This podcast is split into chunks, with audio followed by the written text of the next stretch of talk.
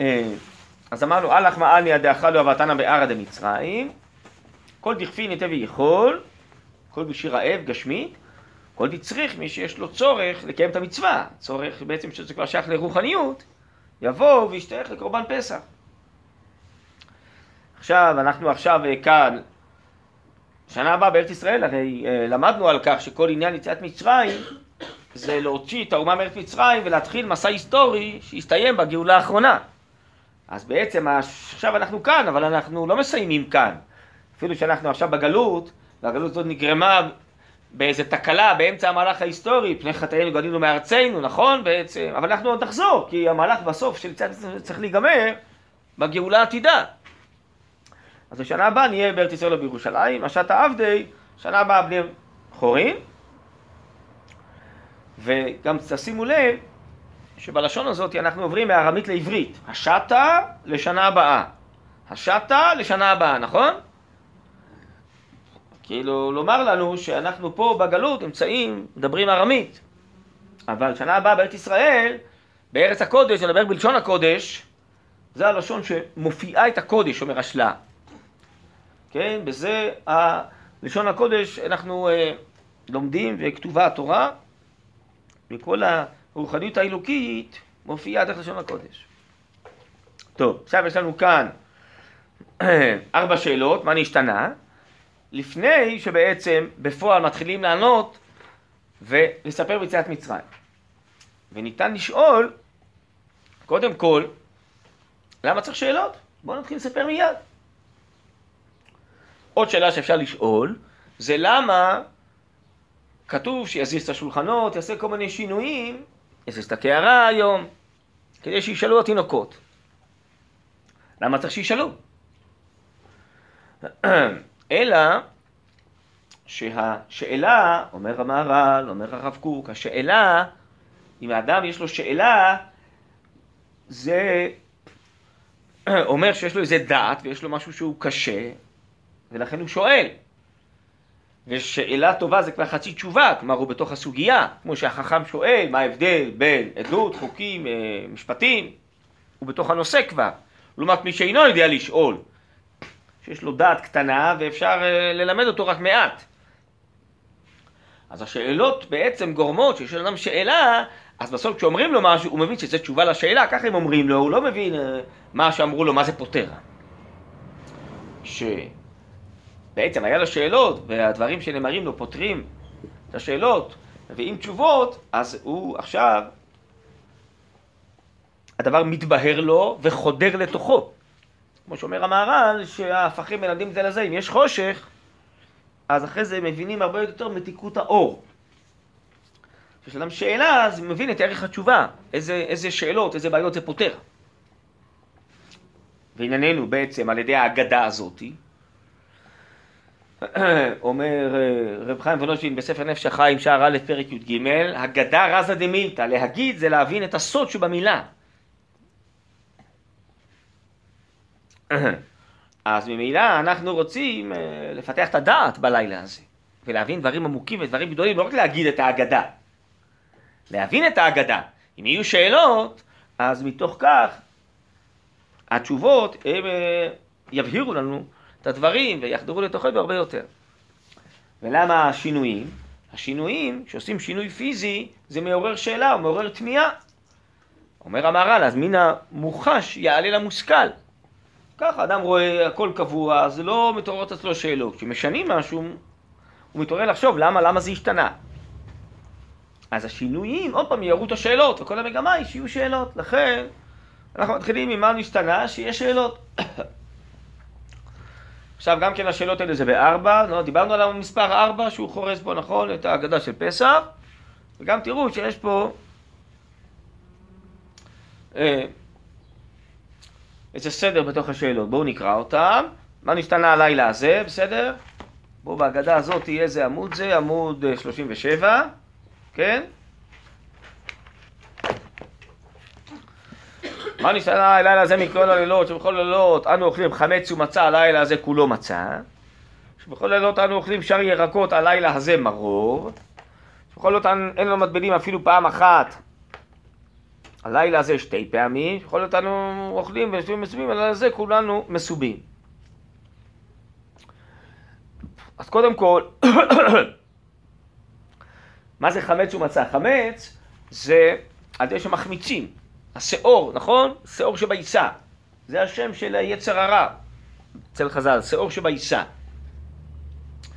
ואנחנו אומרים, חמץ אמרנו זה אה, מצה עשירה, לחם עושר, נכון? עם כל הצדדים החומריים. אבל פה אמרנו אוכלים לחם עוני. למצוא את העושר שבעוני, למצוא את העושר הפנימי. לכן, מתחילים, השאלה הראשונה מהמצה. דרך המצה מבינים פה את כל המהלך האלוקי הרוחני של למצוא את הכוח האלוקי הפנימי שבתוך המציאות, נכון? אחרי זה, שבכל הלילות אנו אוכלים שאר ירקות הלילה הזה מרור, אז הזכרתי בשיעור הקודם, אני לא טועה, גם כתשובה לשאלה למה מרור אחרי המצה, אתם זוכרות? צריך להיות מרור לפני המצה, לא? דיברנו על זה, לא? אלא שהמרירות של הנשמה לא נגמרה. גם המרירות של עם ישראל לא נגמרה, ויהיו עוד ארבע מלכויות שיילחמו איתנו, והרבה סיבוכים בעולם, אבל גם המרירות של הנשמה לא נגמרה. מתי תיגמר המרירות של הנשמה? שהשם יעמול את עורלת לבנים ולא יהיה יצר הרע. כל מגמת יציאת מצרים זה להעלות את העולם ולהוציא את הטבע הפנימי של הנשמה לפועל. אז לכן, כל המהלך של יציאת מצרים שנלמדת מהמצה, עניינה בסוף זה לתקן את המרור, נכון? אז לכן כל הלילות אוכלים שם ירקות הלילה זה מרור, כלומר התפתחות יציאת מצרים עניינה גם לתקן את המרירות של החיים. עד כדי שבכלל לא יהיה רישה, רישה קשן תכלה ולא יהיה חושך ורוע בעולם, וגם לא בתוכנו. שבכל לילות אין המטבילים אפילו פעם אחת הלילה הזה שתי פעמים, הטבלה זה מאכל עשירים. שמטבילים ומתענגים כל מיני דברים, נכון? איך זה נקרא? יום רטבים, לא? כל מיני רטבים, לא? מוסיפים, זה ככה מאכל משוכלל, לא? שואלים אותך, אתה כל מיני רטבים, לא? טוב, אז זה המושג של מטבילים בחז"ל, מה שנקרא היום רטבים. אז אה, באנו לומר בעצם, וזה אני לא יודע אם הצלחתי אה, להסביר פה בהקדמה בפעם הקודמת, אבל אתם יודעות, יש ברבי פנחס בן יאיר, שעל זה אה, נבנה הספר מסילת ישרים, יש מידת הפרישות יש מידת הקדושה. מידת הפרישות זה פרישות מן החומר. כי החומר יש בו באמת, הוא מושך בסוף ליצר הרע ולתאוות, אז פרישות מן החומר ולעסוק ברוח. אבל זה לא האידיאל של העולם, כי אנחנו נבראנו בעולם גשמי. האידיאל בסוף זה להגיע למדרגת הקדושה. מה זה מדרגת הקדושה? אומר הרמח"ל, שאדם חי בתוך העולם וגם פועל פעולות גשמיות וגם אוכל, אבל אצלו כל מה שהוא עושה זה פעולה אלוקית. כמו שהכוהנים אוכלים את הקורבנות ובזכות זה הבעלים מתכפרים, זה אכילה קדושה. אצלו כל האכילה זה מתוך דבקות אלוקית, מתוך מצווה, מתוך מגמות אלוקיות. טוב, זה מדרגות עליונות מאוד, מדרגת הקדושה. זה המדרגה העתידית של האומה ושל העולם, שאנחנו נקרא חיי קדושה. כתוב בגמרא על רבי אבאו, דאה ומצמית פורתא. היה לו תמיד פרוטה בכיס. זה גמרא מסכת ברכות. למה? סתום, היינו אומרים, יבוא איזה עני, תן לו צדוקה, לא? תן לו צדקה. לא. לא בשביל זה. אם יבוא איזה סויכר מאיי הוואי, עם פירות טרופיים ופרי טרופי חדש, הוא לא טעם, הוא יקנה ויוכל לטעום אותו. פעם לא היה קיבי, פי, הגיע קיבי, פתאום היה משהו, היה, יש כל מיני דברים, לפעמים בראש השנה אני מחפש איזה דברים מיוחדים. יש דברים כאלה משונים בחנויות, לפעמים בסופרים. פרי אדום כזה, כאילו ידיים יוצאות ממנו, לא יודע, יש משהו כזה משונה. לפעמים אני קונה את זה, לא יודע אפילו איך קוראים לזה, אף פעם אני לא מצליח אה, להגיד את השם, איך קוראים לזה. פסיפלורה, אני יודע, זה גם התחדש, נכון? פעם לא היה פסיפלורה, זה משהו, לא יודע, כל מיני דברים. אז זה כתוב, זה לפעמים אנשים מאוד, אוהבים לצטט את זה, זה גמרא בסוף אה, פרק ראשון של ירושלמי, עתיד אדם ייתן את הדין על כל מה שראו עיניים בעולם הזה ולא נהנה. זה יפה מאוד, זה מדרגת הקדושה. שכל ההנאה זה הנאה אלוקית, ותענגת על השם, להתענג על טוב השם, וזה מכל מתוך דבקות אלוקית, לא רק הנאת הבטן בשביל התאוות שלנו. טוב, אז זה רבי אבאו, כן, או היה הרב קוק אומר במדרגה הזאתי, ואז כל כולו היה מצמית פורתא, ליהנות מטוב השם, משהו חדש שהוא לא טעם בעולם הזה. אז זה הכוונה שבסוף אנחנו מטבילים כדי להסביר שהאכילה בלילה הזה, בסוף עניינה להביא אותנו לאכילה של קדושה, לאכילה של והתענגת על השם. איפה זה נמצא בלילה הזה? זה פשוט. את האפיקומן, שהוא עיקר המצווה של אכילת פסח על מצות ומרורים, אוכלים בסוף, נכון? על השובע, נכון? יותר, צריך להיזהר שלא יהיה יותר מדי שובע, כך כתוב, שלא בשולחן העורך, לא רק הרבה עד שקצה נפשו, אז לא מקיים את המצווה. אבל שקצת רעב, למה לאכול על השובע? נאכל כשאנחנו רעבים, לא? כל השנה כתוב שלא לאכול הרבה אה, בערב שבת אחרי חצות, נכון? שיהיה תאב לאכול סעודת שבת, לכבוד שבת, נכון? אז מה פתאום עכשיו לאכול על השובע? מצה של אפיקומן צריכים לאכול ראשונים. אומר הרב קוק, ביח"צ חוצים את המצה האמצעית לשתיים. הקטן משאירים, הגדול מחביאים לאפיקומן, נכון? החלק הקטן זה אכילת ההכרח. אנחנו חייבים לאכול, אחרת אה, לא יהיה לנו כוח לחיות, נכון? השובע, אפיקומן, זה האכילה העתידית שנאכל בשביל לענג על השם. זה לא אכילת הכרח, זה מדרגה עתידית של האומה והעולם. בסדר? שזה אכילת קדושה. לכן זה אכילת מצווה, זה אפיקומן, זה לסוף וזה בסוף. בסדר? אז זה, הלילה הזה מטבילים. מטבילים זה בעצם העניין לאכול כל מיני דברים, ואותו דבר הרב קוק מסביר, אה, הכרפס שהיו מטבילים, והגמרא אומרת שירק הוא גריר, גורר את אהבת האכילה. כן, זה כל מיני הנהגות כאלה שבסופו של דבר מובילות לאכילה של קדושה על השם. בלילה הזה זה מדרגה נשגבה לכל ישראל, מתנוצצת בנו, סגולת היום. למרות שזה לא מדרגתנו וזה הרבה למעלה מאיתנו. אבל זה המסלול שאליו אנחנו הולכים. בשביל זה אנחנו עוסקים בליל הסדר, להבין את המסלול שאליו אנחנו צועדים. טוב, והדבר האחרון, לעתיד לבוא בגאולה השלמה, נצא לחירות שלמה, חופש גם מיצר הרע, מכל השעבודים, הכל רק חופש אלוקי, חופש הנשמה, זה נקרא יושבים אה, מסובים. מסובים זה דרך חירות, אז כל השנה בין יושבים מסובים, אבל הלילה זה כולנו מסובים, כי זה הכל הופעת החירות העליונה, ולכן זה הסוף של המהלך, זה החירות העליונה שעתידה להופיע דרך יציאת מצרים, וזה השאלות, הן כאלה מובילות בעצם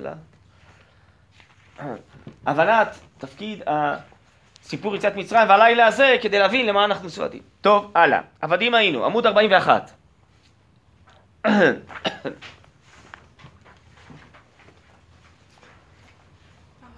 כן. אם האכילה שלנו היא באמת בצורה קדושה ומבטלת את כל העוצמה הרוחנית שלנו במצרים, אז למה זה גם לא יכול להתבטא בלחם? למה זה לחם עוני? את צודקת. וזה נדמה לי אולי גם הזכרתי שבשבועות, בחג מתן תורה, מקריבים לחמי חמץ. במדרגה העליונה של העתיד לבוא, אז באמת כל השפע הגשמי, אצלנו הכל יהיה קדושה, זה לא יהיה בעיה לאכול חמץ. אבל אנחנו מתחילים את המהלך מהמצה. המצה בסוף תביא לחמץ. קצת מצרים תביא בסוף למה שמקריבים בשבועות את החמץ. וזה מדרגת התורה שתופיע במילואה, זה המדרגה הזאת שאפשר יהיה לאכול את כל העשירות על כל מידת דבקות בהשם. וזה... כאילו. כן, כן. והמצה זה, זה מתנים את המהלך. בהתחלה למצוא את העשירות האלוקית בלי החומר, כי החומר יבלבל אותנו. לעתיד לבוא נוכל יחד עם החומר והכל יהיה דבקות אלוקית. כן, את צודקת.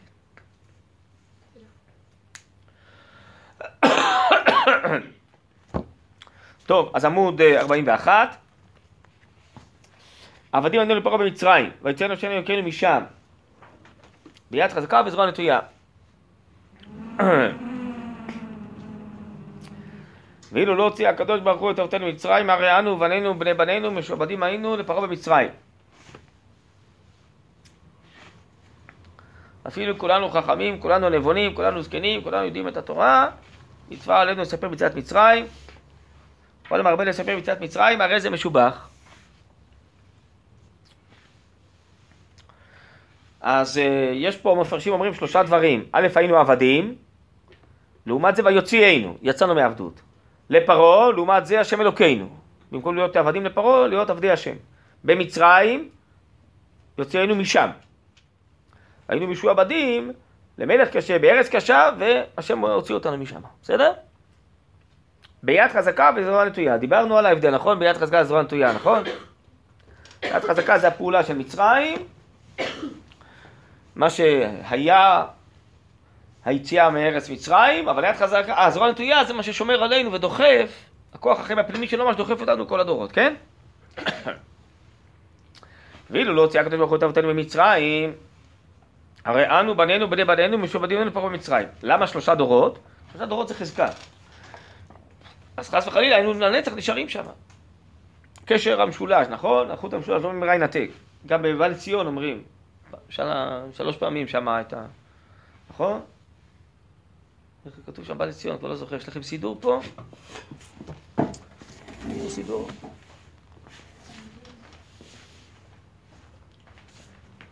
אה, הנה. אפשר להשתמש? כן. טוב, כן? אה,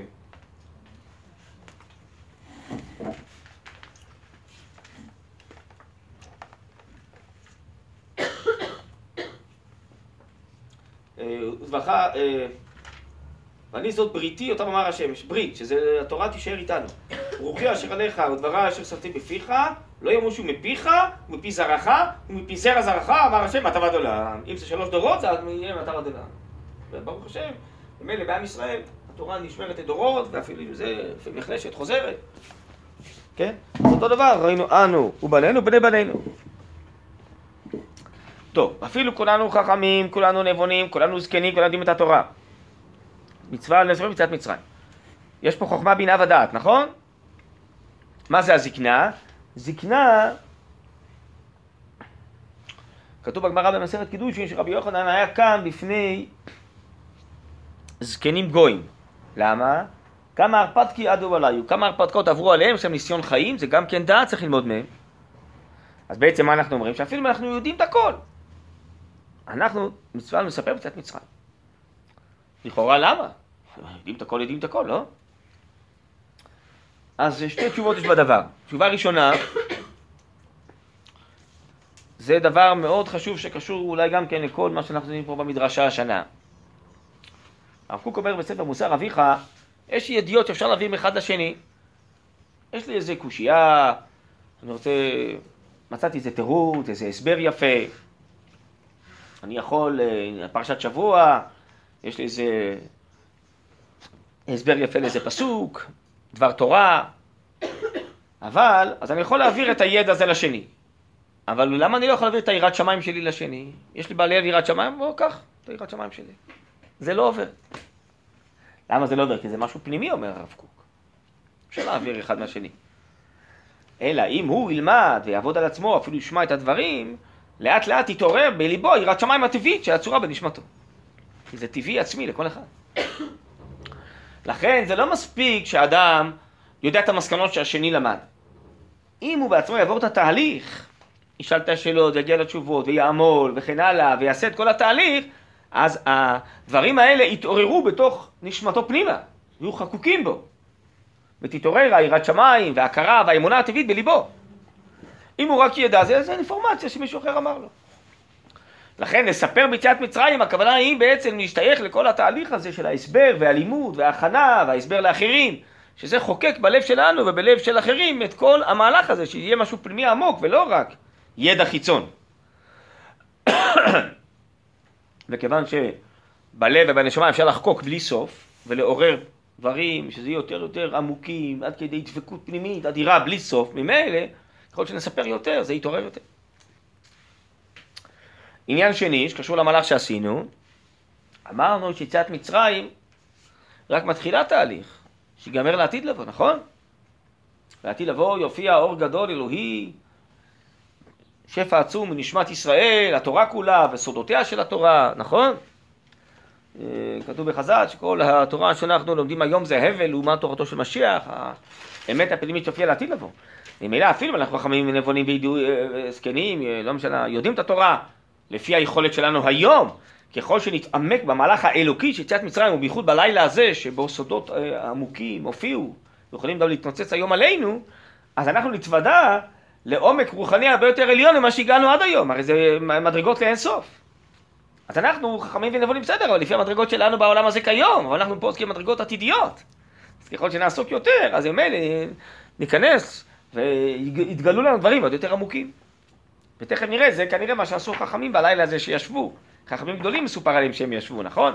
זה דוגמה אולי לפסקה הזאתי. הם כבר ידעו את הכל, לא? אז מה הם עוסקים? טוב, תכף נראה. להם כנראה התגלו דברים מאוד עמוקים. משפט אחרון, כל המרבה לספר ביציאת מצרים, הרי זה משובח. טוב, זה לכאורה כפילות, לא? כבר אמרנו את זה קודם, שמצווה עלינו לספר ביציאת מצרים, נכון? אז מה צריך להגיד עוד פעם, שכל המרבה לספר הרי זה משובח? אלא, זה כבר משהו אחר.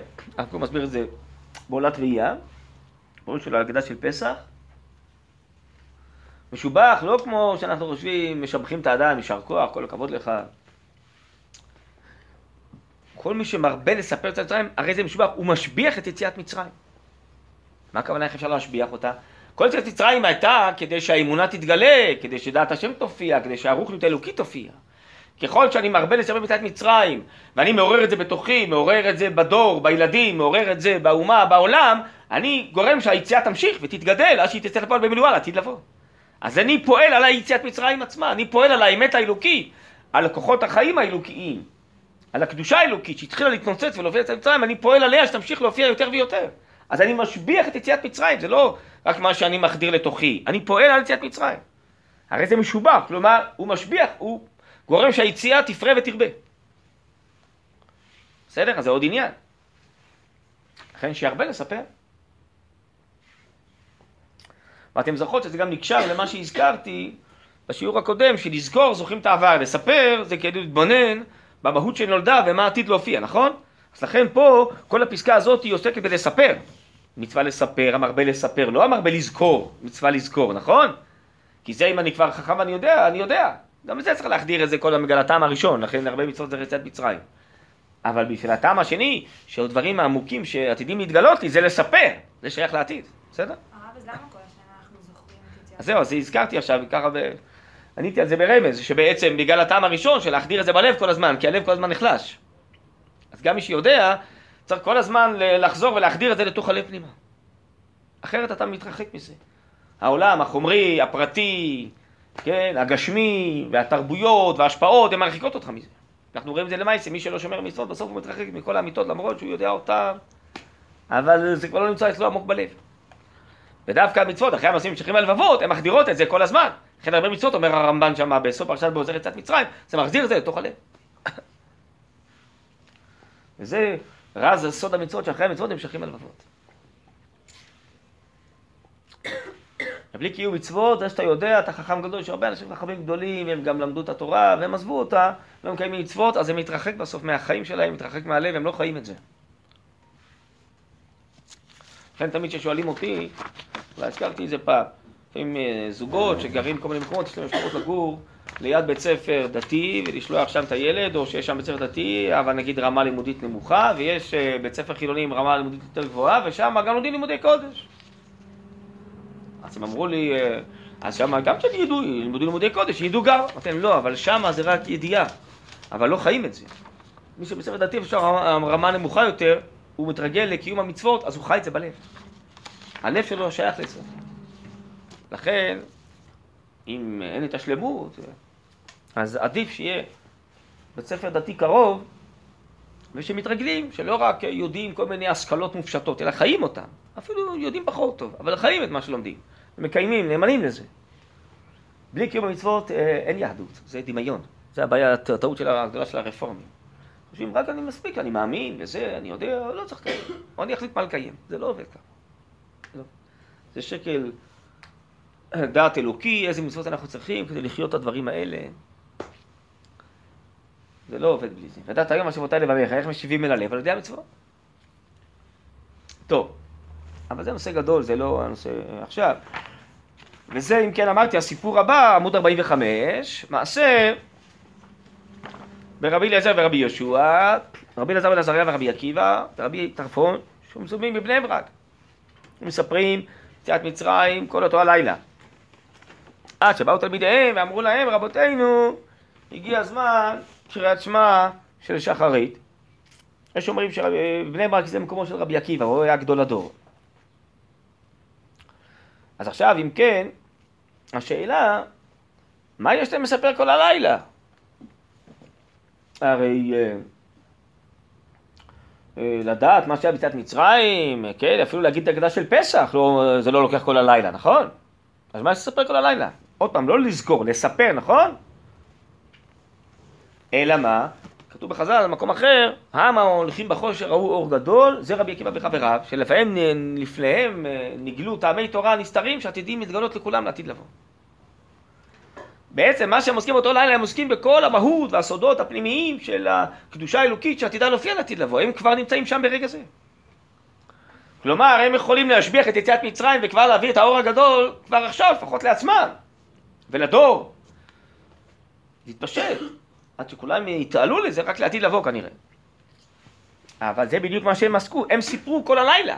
הם שהשתייכו למהות הזאת וגילו את העומק של מה שיצא ממצרים, מה שעתיד להופיע בגלוי, הם כבר אה, עסקו בזה אז. זה הכוונה לספר כל הלילה הזה. הרי לעתיד לבוא כתוב, אור חדש לציון תהיה, יהיה אור גדול. בראשית הבריאה כתוב, ויהי אור, נכון? חז"ל אומרים, תעזור לצדיקים לעתיד לבוא. זה אור התורה, אור האמונה, אור הקדושה, אור האמת, שיופיע לעתיד לבוא. שתמלא ארדעה את השם, המים היה נכסים, וכולי וכולי, כל הפסוקים האלה. טוב. אני חושב שיש פה אולי עוד עניין. אנחנו הרי דיברנו קצת, לא בהקדמה על היום והלילה, נכון?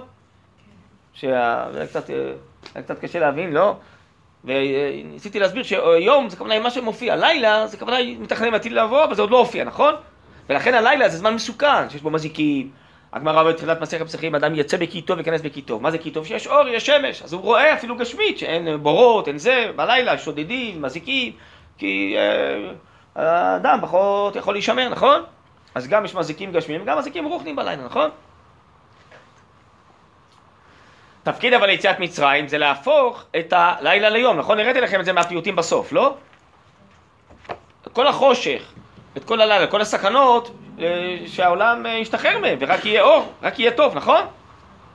וכל הטומאה תהפך לטהרה, וכל החושך של הדעת יהפך לאור גדול, אור התורה, אור האמת, בסדר?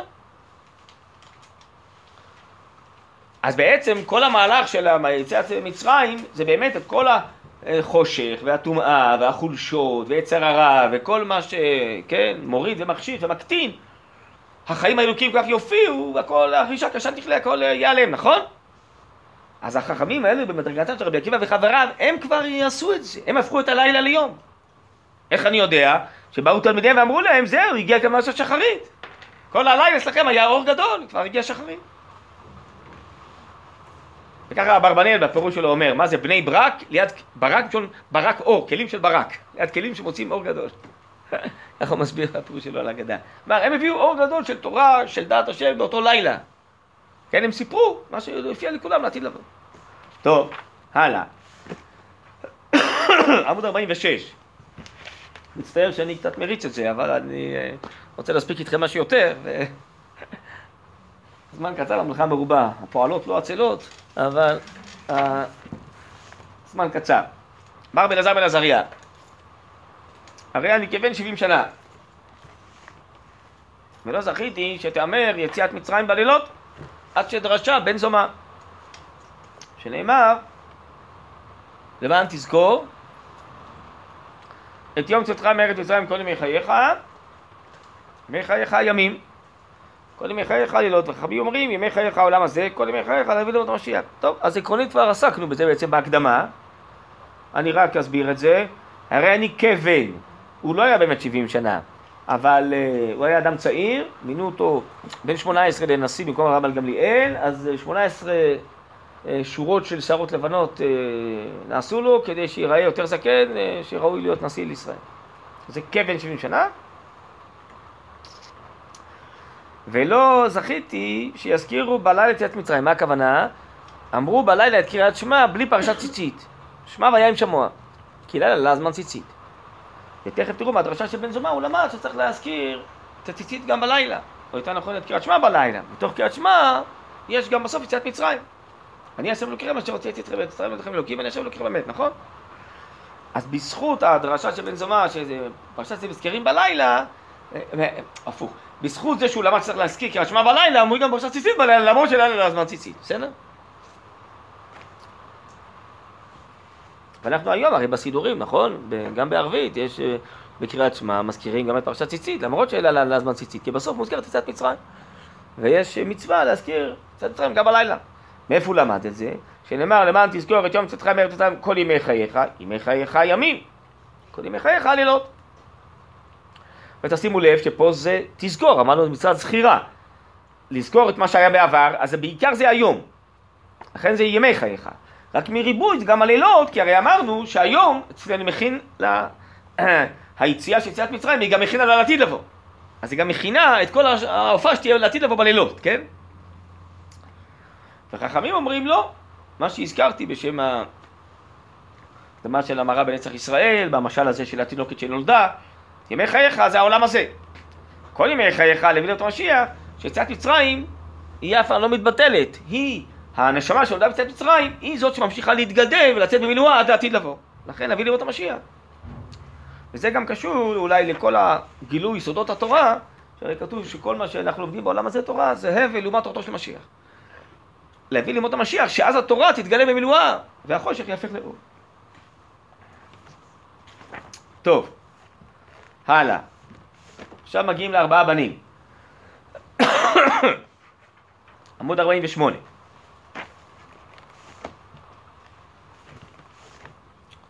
ברוך המקום, ברוך הוא. ברוך שנתן תורה לעמו ישראל, ברוך הוא. אז בהתחלה מדברים על הקדוש ברוך הוא, כן? המקום ברוך הוא, ואחרי זה על הפעולה שלו, ההתגלות שלו, שנתן לעמו ישראל, ברוך הוא. תשימו לב שגם כן פה זה, כל משפט כזה זה בארבע, נכון? וברוך הוא זה המקור, המקום זה המקום, הכוונה היא המדרגה, כבוד, ברוך כבוד השם ממקומו, שאומרים בקדושה, זה לא מקום, זה מעלה, מעלתו. אז יש מעלה, יש ברוך הוא, זה המקור האלוקי העליון, ברוך מתברך ומופיע למטה בכבוד עליון. על ידי מה הוא מופיע? ברוך שנתן תורה לעמו ישראל, על ידי התורה אנחנו יודעים את הכל. התורה מלמד אותנו. למה ההקדמה הזאת נצרכת? כי כנגד ארבעה דין דבר התורה. התורה מלמדת אותנו על ארבעה גוונים של בנים שיהיו באומה הישראלית ואיך להתייחס אליהם. כי ארבע פעמים בתורה כתוב כי שלחה בנך וכן הלאה. ולומדים משם על ארבעת הבנים. זה מופיע ארבע פעמים בתורה.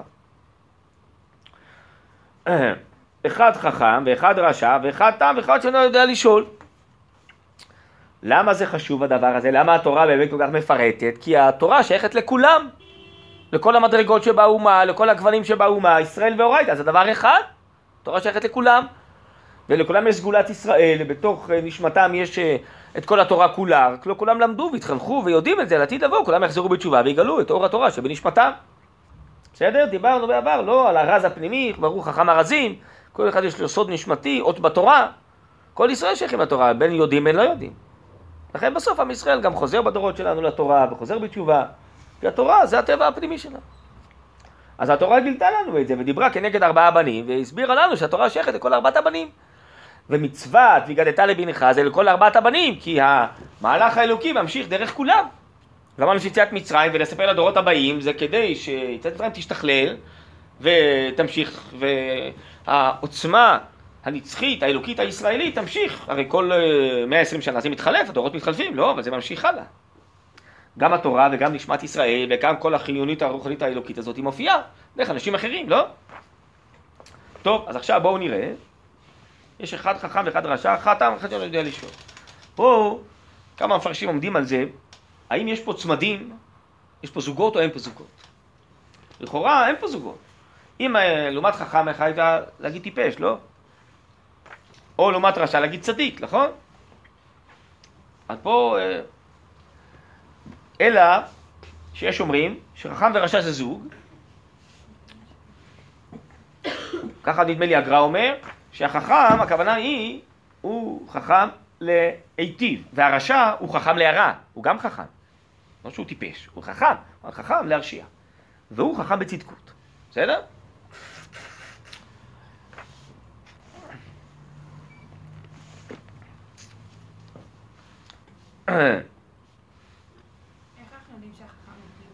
שתכף נראה, לפי השאלות של כל אחד.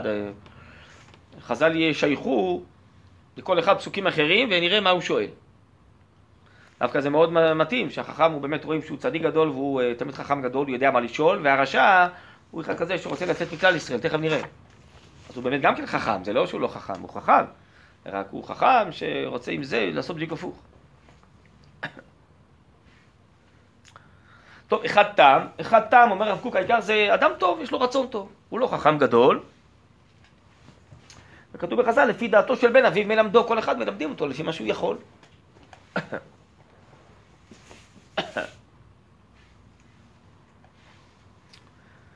אחד שלא יודע לשאול, זה המדרגה הכי נמוכה. כי אמרנו שבכלל השאלות מעוררות את הדעת, נכון? ושאלה טובה זה חצי תשובה, הוא אפילו לא יודע מה לשאול. אז צריך ללמד אותו מעצמנו. טוב, בואו נראה עכשיו את ארבעת הבנים. חכם, מה הוא אומר? מה העדות? החוקים והמשפטים אשר ציווה השם אלוקינו אתכם. עדות זה מצוות שהן עדות, כמו זכר יציאת מצרים. חוקים זה דברים שלא נודע טעמם. משפטים זה דברים שאנחנו מבינים את טעמם לכאורה. אז בעצם הוא שואל אותנו על כל המצוות, בוא תסביר לי את הכל. הוא יודע שיש סוגים שונים, עדות, חוקים, משפטים. מה העדות? הכוונה היא, בוא תלמד אותי את כל התורה בקיצור. אשר ציווה השם אלוקינו אתכם. אף אתה לא יקלוך את הפסח, אין מפטירים אחר פסח אפיק אומן. אז באמת, תלמד אותו את כל התורה, ודאי את כל הלכות פסח, את כל עניין יציאת מצרים, עד ההלכה האחרונה שאין מפטירים אחר הפסח אפיקומן. אין מפטירים זה אין אומרים, אחרי אכילת הפסח, אחרי שאוכלים את הפסח בזמן המקדש, או היום אחרי שאוכלים את האפיקומן, שזה כנגד הפסח, אפיקומן, תוציאו לחם. למה? כי אתם יודעים גם היום, אחרי אכילת האפיקומן אסור לאכול שום דבר, לא לשתות מים, יש מקילים גם כן בתה וקפה, אבל לא הייתם על זה שישאר טעם המצה בפה. אז הלכה אחרונה בהלכות פסח, כן, או בהלכות אל הסדר, זה שלא אומרים אחרי אכילת הפסח תוציאו לחם. אז בעצם אתה אומר מההתחלה עד הסוף, בקיצור, זה מה ש... הוא כבר שהוא חכם, והוא יודע שיש אה, הרבה מצוות, וכל מצווה מכוונת למשהו אחר, אז הוא רוצה לדעת את הטעם ואת ההסבר של כל דבר, את כל ההלכות, עד ההלכה האחרונה. רשע מה הוא אומר? עמוד החמישים. מה העבודה הזאת לכם? למה אתם עושים את כל העבודה הזאת של פסח וזה? וחז"ל תופסים אותו לכם ולא לא. ולפי שהוציא אה, את עצמו מן הכלל, כפר בעיקר. כל התורה היא לכלל ישראל, והוא לא רוצה להיות בתוך כלל ישראל, אז הוא גם אין לו חלק בתורה. אף אתה קט שינה ואמור לו. אתה צריך לעורר אותו, לזעזע את הרצון, קורא לזה הרב קוק. בעבור זה עשה השם לי לצאתי ממצרים, לי ולא לא, אילו היה שם לא היה נגאל. למה אומרים לו זה חריף? כדי לזעזע אותו, אנחנו רוצים שהוא גם ישתייך, שיחזור בתשובה. אבל היו כאלה ארבע חמישיות, נכון? שלא יצאו, רק חמישית, חמושים עלו, חמישית עלו, חז"ל דורשים. כן? אז במצב הרוחני שלך, לא היית ניגע, אבל כיוון שאנחנו מאמינים בסגולת ישראל של כל הדורות, ודאי זאת שמתעוררת בדורות של הגאולה, אתה ודאי כן רוצה להשתייך לעם ישראל. רק אתה חושב שיש עם ישראל בלי התורה. מהטעות הזאת צריך לצאת. כי אין עם ישראל בלי תורה. והטבע של עם ישראל זה התורה. לכן, כדאי לך להכיר מה שצפו במשפטך שלך, להיות שייך גם לגאולת ישראל של היום. אבל יש פה שאלה. הרי הרשע תופסים אותו על המילה מה זאת לכם. הוא אומר לכם ולא לא, נכון? אבל גם החכם אמר את זה. מה העדות והחוקים והמשפטים אשר ציווה השם אלוקינו אתכם. אז למה טוב דברי החכם שאמר אתכם, ולא טוב דברי הרשע שאמר לכם, נכון? למה אותו תופסים ואותו לא? כיוון שהוא חכם וצדיק, אנחנו יודעים שהוא מתכוון אתכם, אותי ואתכם. אבל הוא אמר לכם, מתכוון רק לכם, שהוא לא רוצה להיות. בסדר?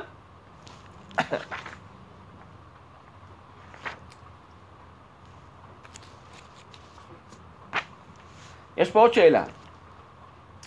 מה הכוונה ברשע אומרים לי ולא לא? אילו היה שם לא היה ניגל. הרי מדברים איתו, לא? צריך להיות בנוכח, לא בנסתר, נכון? בגוף נוכח, לא בנסתר. לי ולא לך. אילו היית שם לא היית ניגל, נכון? זה סתם שאלה בפשט, לא? שאלתם את עצמכם את זה פעם. סתם שאלות פשוטות, מה כתוב פה? נכון? אומר הגר"א, כיוון שהוא כזה רשע, אנחנו בכלל לא מדברים איתו, מדברים עם הבן שלידו, זה שלא יודע לשאול. ככה הגר"א אומר. הוא מדבר עליו. אתם יודעות, יש אה, הרב קוק, יש לו איגרות, נכון? יש איגרות בודדות שהוא לא כותב שלום. מישהו כתב את האיגרת. יש איגרת, אה, י"ח כ', י"ח וכ', חלק א' של איגרות ראייה, לא כותב שלום. ושמה אותו אחד אמר הוא רצה להגיד לדור הצעיר, אנחנו לא רוצים יותר את התורה ומצוות. אז הוא כתב בשם הדור הצעיר, אנחנו עזבנו כבר את הדור מצווה ומצוות, פנינו עורף לכל העבר, לא רוצים, אנחנו רוצים תרבות עברית חדשה, לא רוצים תורה ומצוות. והרב פודל הוא יגרר מאוד חריפה, יגרות חריפות. אתה מדבר בשם כל הדור, בשם כל אומה שאנחנו לא רוצים? תגיד שאני לא רוצה. אתה מדבר בשם כולם? ואז הרב קורא לו איבר מדולדל של האומה. כן? הוא לא כותב לשלום. אין שלום לרשעים. לא כותב שלום. הרב קוק כזה, אה? צדיקים הטהורים, עם העין הטובה. הוא לא כותב שלום. הוא לא כותב שלום. והאיש הזה, הרב קוק הכיר אותו טוב מאוד, הוא גר מאחוריו. והיה להם אה, קשר עד אה, סוף ימיהם. מי זה האיש הזה? נו, נחשו. מי זה האיש הזה? אליעזר בן יהודה. נכון? עסק הרבה בשפה העברית, נכון? ושכולם ידברו עברית. והוא היה מתייעץ הרבה עם הרב קוק, גם בענייני לשון, לפעמים מילים קשות, היה בא לשאול את הרב. כי הרב היה איזה גאון כזה, גם בקול, אז אה, גם בזה. והרב פעם סיפר לרב ציודה, אנחנו אה, שמענו את זה ממישהו ששמע את הסיפור הזה מהרב ציודה, הרב ציודה סיפר לו את זה, שביומו האחרון של אליעזר בן יהודה, הוא גר ממש מאחוריו של הרב, הוא בא לשאול אותו משהו, באיזה מילים בעברית.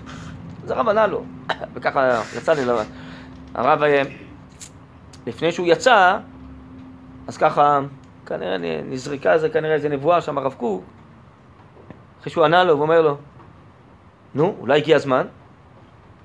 התכוון להגיד לו, אולי הגיע הזמן כבר לחזור בתשובה? הוא היה כזה נגד כל התורה והמצוות. אז הרב שאל אותו, נו, אולי הגיע הזמן?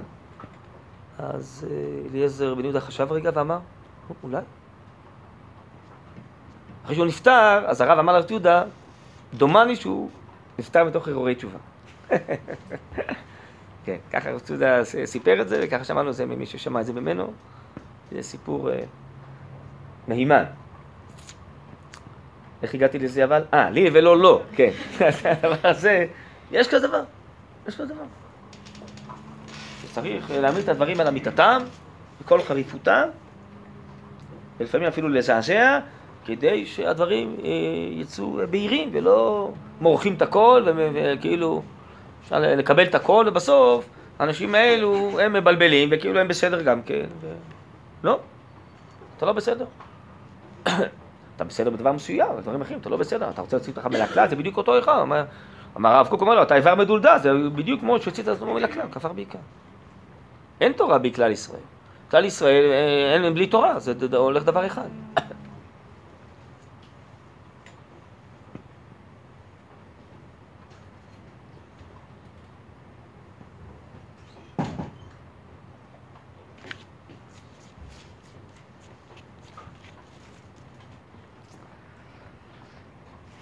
טוב. מה? גם היום צריך.